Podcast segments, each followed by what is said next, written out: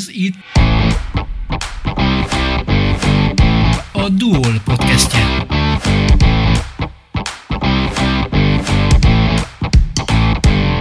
Először kapta meg magyar kórus, kórus a Grand Prix díjat a Csesztohovai Nemzetközi Kórus versenyen, és ez bizony a Székesfehérvári Vox Mirabilis Kamara kórus és így hát nem csak a kórus, hanem a karnagy, a kórust vezénylő Zemlényi Katica is részesült ebben az elismerésben.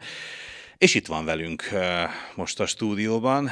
Nagy tisztelettel köszöntöm, és nagy tisztelettel gratulálunk ehhez az elismeréshez. Köszönöm szépen, és a meghívást is köszönöm. Nagyon jól érezzük magunkat ezekben a napokban. Beszéljünk erről a, erről a nagy díjról, illetve hát erről az elismerésről. Ezek szerint ez egy, ez egy, ez egy patinás fesztivál megmérettetés? Ez akkor egy nagy mérföldkő a kórus életében, ezt lehet mondani? Így van, a Vox Mirabilis kamarakórus több országban járt már, Európában és Európán kívül is, meghívás alapján, és több kórus versenyen és fesztiválon vettünk már, már részt. Ez a Csensztohovai kórus, nemzetközi kórusverseny, ez a 12 az ottani megrendezés alapján, tehát ez már egy nagyon-nagyon régi kórusverseny, és egyben fesztivál is, ahova Európa országaiból válogatják össze a kórusokat, tehát meghívásos alapon alapon történik ide a bekerülés, és ez ezért is volt egy különleges dolog számunkra. Másként kell készülni egy ilyen, ha úgy tetszik, minősítő versenyre, mint mondjuk egy, egy koncertre, egy fellépésre? Igen, mindenképpen másképp kell készülni, ha bár nekünk nagyon fontosak a kis és a nagy koncertek, számunkra nincsenek kis koncertek, hanem csak jó koncertek, amire mindig fel kell készülni, és mindig alaposan kell felkészülni. De hát amikor az embert beválasztják egy nemzetközi kórusversenybe a felvételei alapján, akkor én úgy gondolom, hogy oda aztán tényleg nagyon-nagyon kell felkészülni, más, mást kell gyakorolni, úgyhogy az elmúlt két hónapunk az gyakorlatilag erről szólt ebben a kettő hónapban mondjuk a próbák mennyire más jellegűek, mint egyébként?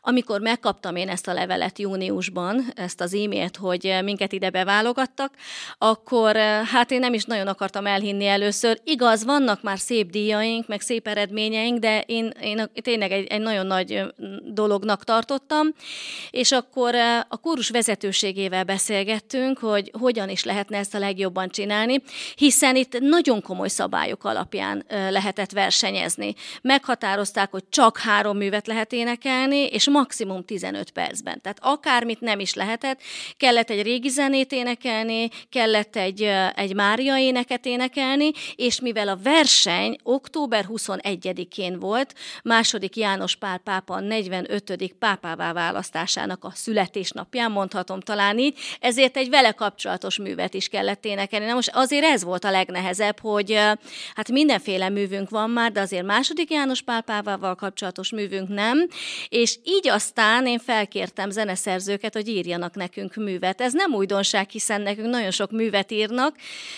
és ami még az érdekessége volt ennek, hogy, hogy akkor eldöntöttük, hogy három kategóriában indulunk. Tehát nem csak a vegyes kari kamarakórus felállásban, hanem a női kar is külön indul ezen, és a férfi kar is. Tehát gyakorlatilag kilenc olyan művet kellett megtanulni, amit eddig nem énekeltünk, vagy csak elkezdtünk próbálni, és bizony másképpen voltak a próbáink, hiszen mindenkinek, ha jól számolunk, akkor hat darab művet kellett nagyon jól megtanulnia, kotta nélkül, mert ezt is elhatároztuk, hogy mi bizony kotta nélkül fogunk énekelni. A, a, a kórus magja az mióta van együtt, beszélhetünk-e bármiféle fluktuációról? Ez a felállás 2010 óta van és ez a nevünk is 2010 óta van, hogy Vox Mirabilis kamarakórus. Ez a kórus a Krisztus király plébánia kórusából indult, és ott is szolgál a mai napig a nagyobb ünnepeken.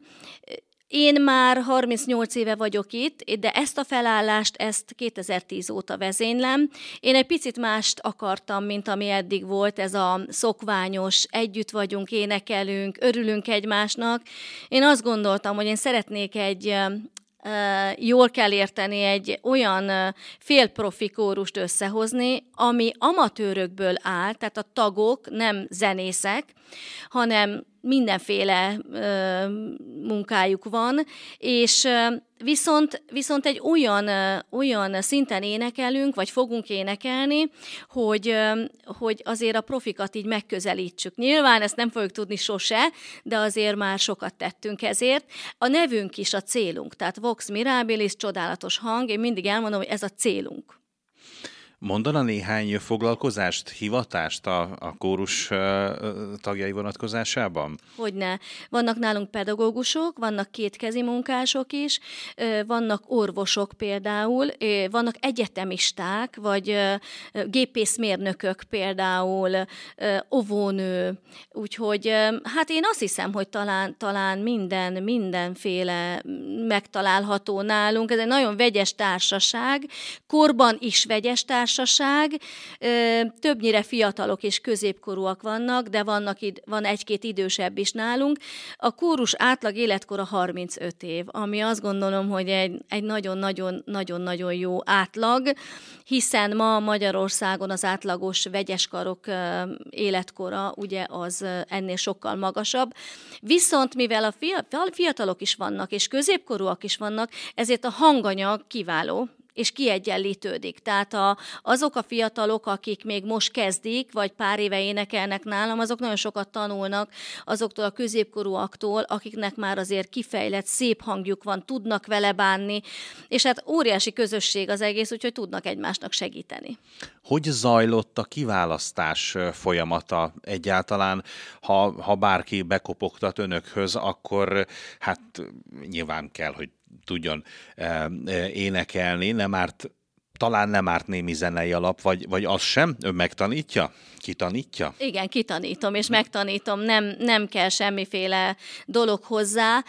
Én mindig is kamarakórus szerettem volna. Én nem szerettem volna 60 meg 80 tagú ö, nagy kórust, mert én azt vallom a mai napig is, hogy ha, ha 30 ember jól énekel, akkor bizony meg tud szólalni úgy, mint 50 ember. Ha meg valami nagyon nagy produkcióhoz ö, kell ö, a kórus, akkor biztos, hogy kettő-három ilyen kaliberű kórus összeáll, és akkor, akkor már megvan az a 100-120 fős hangzás, ami mondjuk egy nagy oratóriumhoz kell. Így aztán, hát meg kell, hogy mondjam, hogy nálunk nem nagy a fluktuáció, mert aki itt van, az nagyon szeretne itt maradni és ide tartozni, hiszen a lelki, a zenei és az emberi élmény az együtt van nálunk mindig, meg főleg, hogy óriási, nagyon jó közösség vagyunk. De azért mindig van, hogy valaki kisbabát vár, elmegy egy-két évre, azért néha visszajön, vagy elmegy külföldre ö, dolgozni. Ö, nagyon sok érdekesség van. Most például egy dél-afrikai kórustagunk van, aki Fehérváron dolgozik, és, és aztán megkeresett minket, kiváló tenor, ö, nagyon sok kórusban énekelt, hogy jöhetne-e. Most ilyenkor én nálunk azért felvételi van, ez megint ilyen nagyon furcsán hangzik, de én azt gondolom, hogy ebbe a csapatba, akik már ennyi mindent letettek az asztalra, nem lehet csak úgy jönni, és ezt jól kell érteni. Tehát meghallgatom, ha úgy gondolom, hogy idevaló, akkor megbeszéljük, hogy két hónap múlva újra leülünk, és meglátjuk, hogy a kórusnak ő jó-e, és neki jó-e a kórus. Tehát, hogy, hogy tisztázzuk a helyzeteket, és mindig, mindig az egyenesség az, ami engem vezet.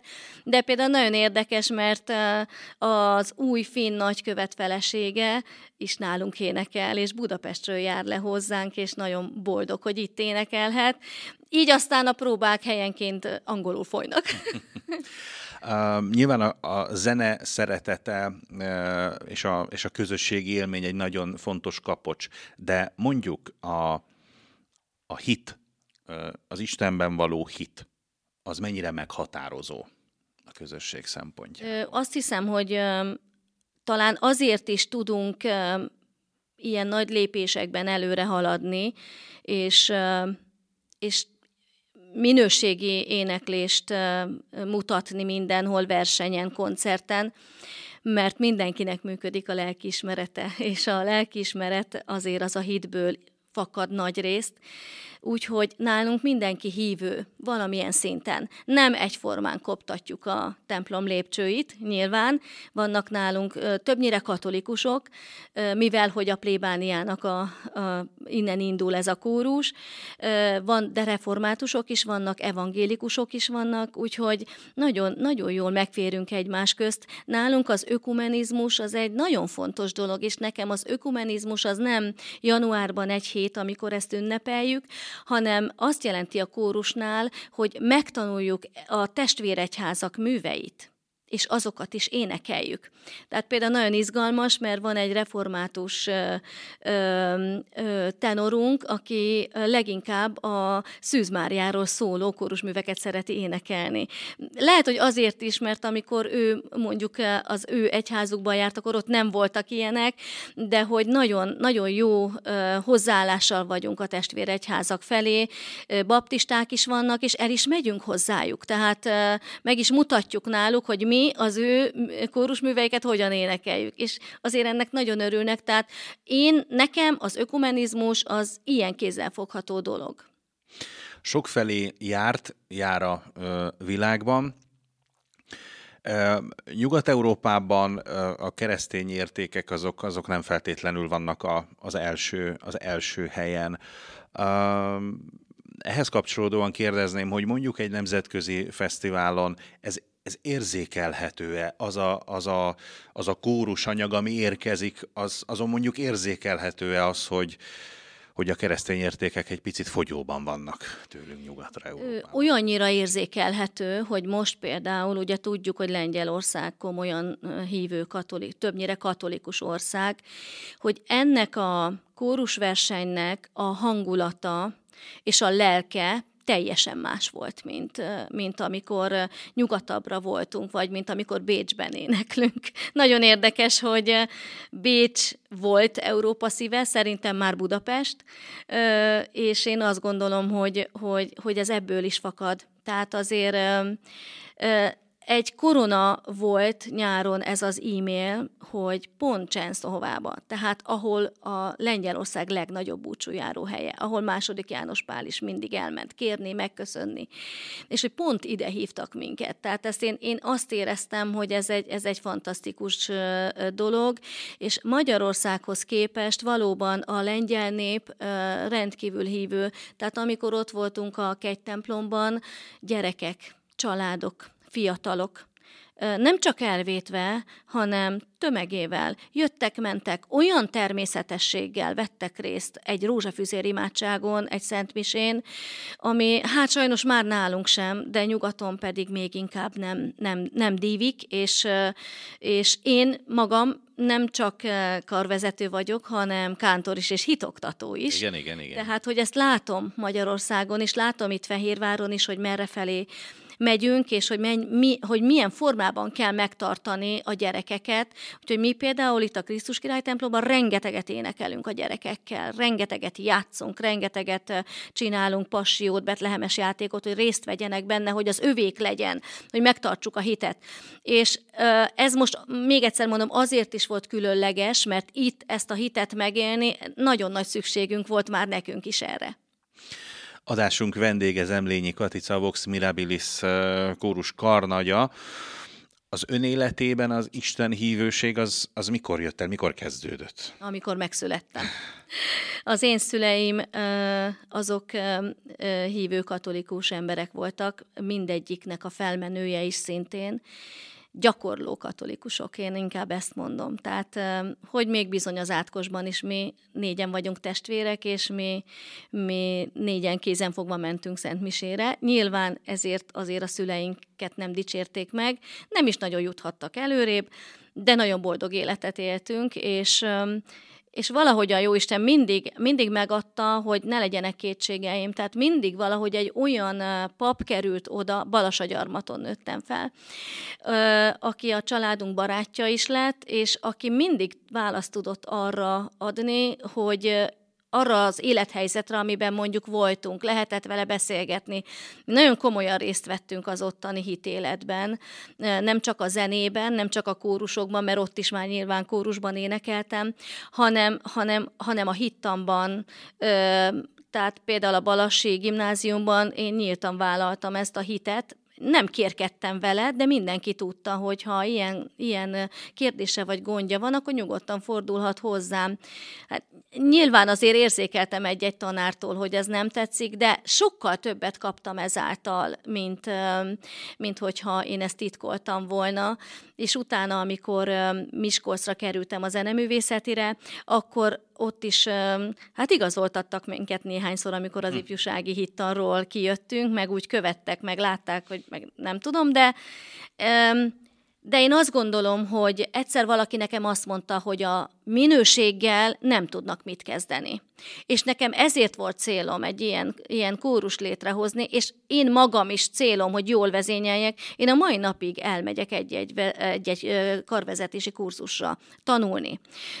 És ezért is tanítom a többieket. Nálunk például vannak nyáron a táborban mini kurzusok, tehát megkérek egy-egy embert, aki nem karnagy a kórusból, hogy most, most azt a tízes csoportot, ezt te fogod vezényelni, úgy, ahogy. Tehát, hogy érzékel érzékeljék azt, hogy az én munkám micsoda. De visszatérve a hitre, szerintem nagyon fontos az, hogy, hogy, ha, hogy a lelkismeretünk, ha működik, és minőséget akarunk adni, akkor abba tényleg nem tud senki belekötni. Emlékszik arra zeneműre, amely először megérintette életében? Ö, nagyon sok ö, komoly zenei ö, hanglemezünk volt otthon, mert az édesapám nagyon szerette a komoly zenét, ő maga is zongorázott, a nagybátyám orgonaművész volt, és meg, meg költő, tehát ilyen, ilyen művészi család volt, és emlékszem, Mozart nagy Gémol szimfóniája volt nekem mindig a kedvenc zenekaros darabom, és azt nagyon sokszor hallgattam, mert én úgy éreztem, hogy, hogy az valami olyat ad, ami, ami, ami, amit kevesen tudnak, és azóta is Mozart a nagy kedvencem. Aztán egy kicsit tovább mentünk Beethoven felé, és hát az Egmond nyitány, az nekem, ami ugye 56-nak a nyitánya a mai igen, napig is igen, a zenéje, igen, igen. Az, az, az megint egy olyan, olyan erőt tud adni, ami, ami fontos, hogy a társadalomban is jelen legyünk, a hitben is jelen legyünk, és hogy a művészetben is ott legyünk. Karnagyi klubot alakított Székesfehérváron a közelmúltban, ahol rendszeresen beszélgethetnek az érintettek a karnagyi szakmáról és a felmerülő kérdésekről. Milyen a jó karnagy? Hűha! 95%-ban pszichológus. Hm. Ez bármilyen, bármilyen hihetetlen. Talán azért is tudunk mi ilyen jó közösség lenni, mert nagyon nyitottak vagyunk egymás felé, és én nekem, én nekem, én nagyon hálás vagyok, hogy minden kórustag megosztja velem az örömeit, a bánatait, a nehézségeit. Tehát és odafordulnak hozzám, vagy ha én látom, hogy valami gond van, akkor én is megkérdezem tőlük. Ö, és valóban nagyon-nagyon-nagyon sok ö, Nyilván kell tudni jól muzsikálni, uh-huh. kell tudni jól a karvezetés szakmát, mindig tanulni kell, mindig, mindig, mindig, folyamatosan. Mindig hallgatni újabb zenéket, mindig kitűzni nehézségeket, nehezebb feladatokat.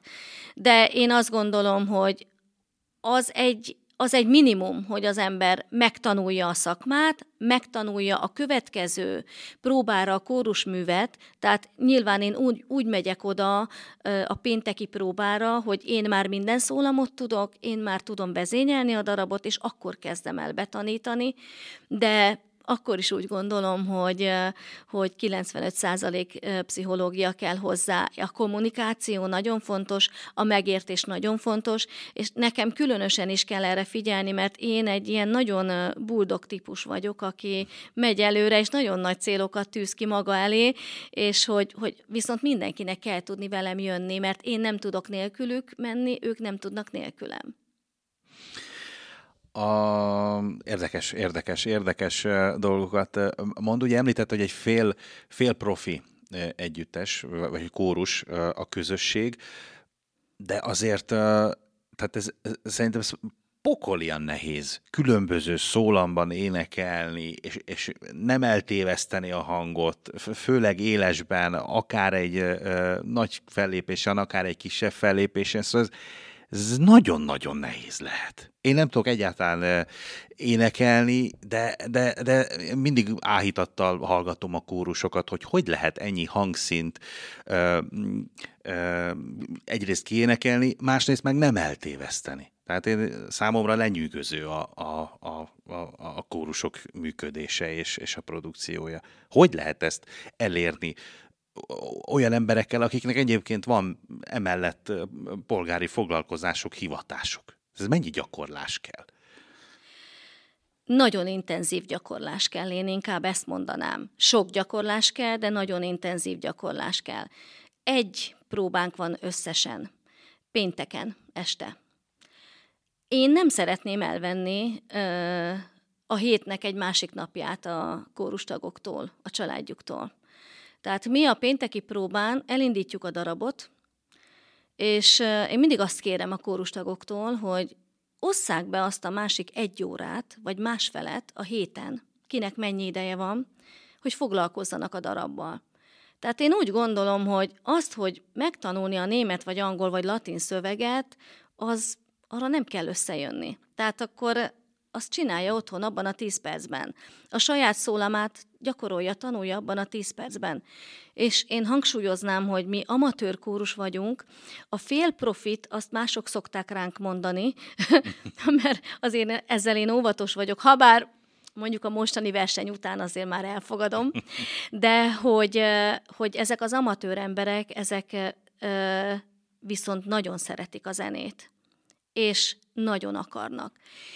És a kórus az a közeg, az a művészeti közeg, ahol a szopránnak drukkolni kell, hogy az altnak is jól menjen, és a tenornak is, mert különben ő se jut sehova. Uh-huh. Tehát, hogy, hogy ebből is fakad az szerintem, hogy a kórus egy jó közösség tud lenni, mert, mert közösségi művészet nincs is talán másik ilyen művészet. Tehát a közösségi művészetben minden, a, a 30-32 tagnak, ahányan most vagyunk, mind, ha egy tagnak drukkolni kell, hogy a többi 30-nak is jól menjen, mert ő csak akkor lesz sikeres, tehát ő hiába tanulja meg, hogyha a többiek nem. Ugyanakkor ez felelősség. És nekem, amellett, hogy jó hangja legyen, az elkötelezettség a második, amelyik a legfontosabb. Mert ha valaki elkötelezett, akkor fog otthon gyakorolni. Egyébként a szólamvezetőim kiválóak minden szólamban, és mindenkinek segítenek, akinek kell. Tehát mindenféle segítséget megadunk ahhoz, hogyha valaki egyedül marad, és otthon mondjuk nem megy, akkor, akkor segítsünk nekik. A, az egész pályáját tekintve, tehát nem csak, nem csak karnagyként, hanem mint, mint a, a, a város egyik meghatározó zenei egyéniségeként, mi az, amire a legbüszkébb? Ö, az egyház zenei mi voltom talán az, ami leginkább meghatároz engem szerintem.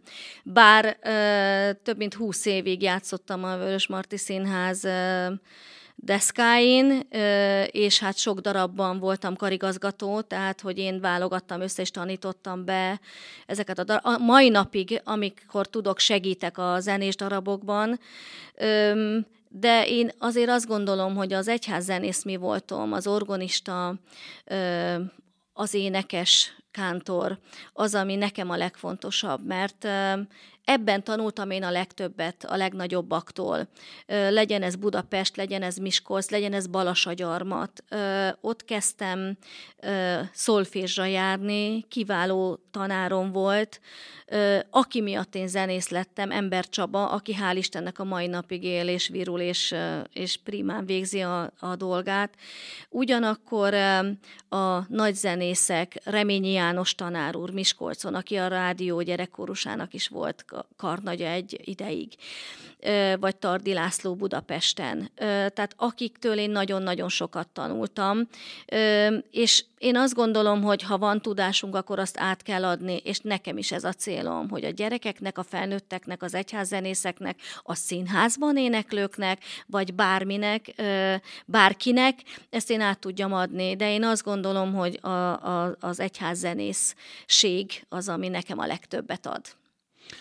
Melyik a kedvenc hangszere orgonája? Legyen bárhol az országban vagy a világban? Mm, igazából bármelyik. Tehát én azt gondolom, hogy egy orgonaművésznek nagyon fontos az, hogy jó hangszere legyen én nem vagyok orgonaművész, én egyházzenész vagyok, tehát én kísérem a gyülekezetet, a templomi közösséget és magamat orgonán.